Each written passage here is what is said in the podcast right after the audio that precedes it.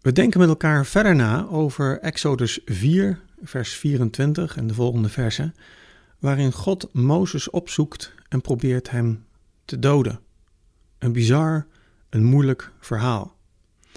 Daar midden in de nacht hapt Mozes naar adem, maar Zipporah pakt een stenen mes. Nu, dat vind ik al niet heel erg lekker klinken. En de Nederlandse vertaling vertaalt het nog iets directer. Een stuk rots, een scherp stuk steen. En ze gaat naar haar zoon en besnijdt hem. Ze snijdt de voorhuid van zijn geslachtsdeel eraf. Dat is besnijden. Zonder verdoving, met een rotsmes. Auw.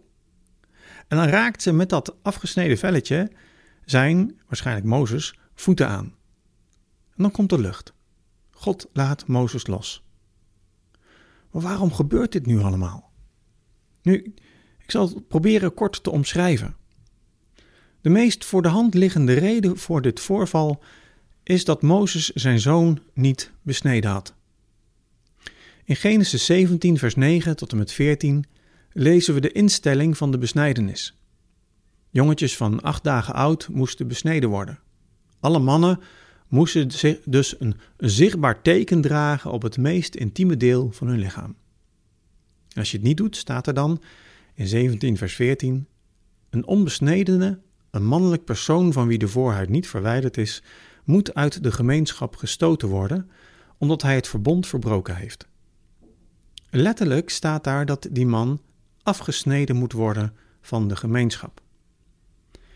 Die besnijdenis, dat, dat afsnijden, is dus eigenlijk je te herinneren dat je niet wordt afgesneden van het volk. Je te herinneren dat je erbij hoort. Dat je onberispelijk leeft, dat je weet dat je deel bent van het verbond met God.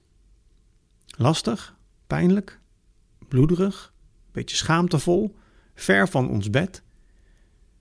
En tegelijk duikt het verhaal hier bij Mozes op, midden in de nacht. En het bedreigt zijn leven. De zoon van Mozes was niet besneden en, als je Genesis leest, daardoor eigenlijk dus afgesneden van het volk. Wat groter gedacht, Mozes had zich daardoor afgesneden van zijn eigen volk. Hoe, hoe kun je dat volk gaan redden als dit niet op orde is? Hoe kun je het volk herinneren aan Gods belofte als je zelf dat teken van die belofte niet belangrijk vindt in je eigen gezin?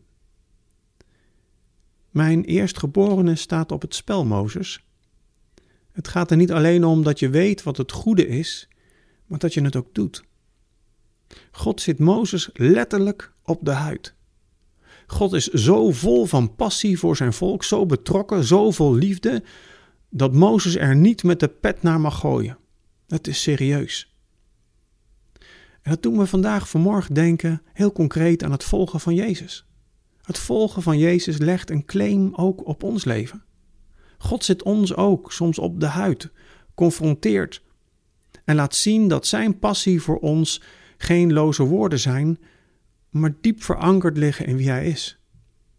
Hij geeft ons ruimte om te leren, om te veranderen, om in actie te komen. En mijn vraag vanmorgen aan jou is waar jij ervaart eh, waar de scherpte van het geloven in God in jouw leven ligt. Heb een goede dag.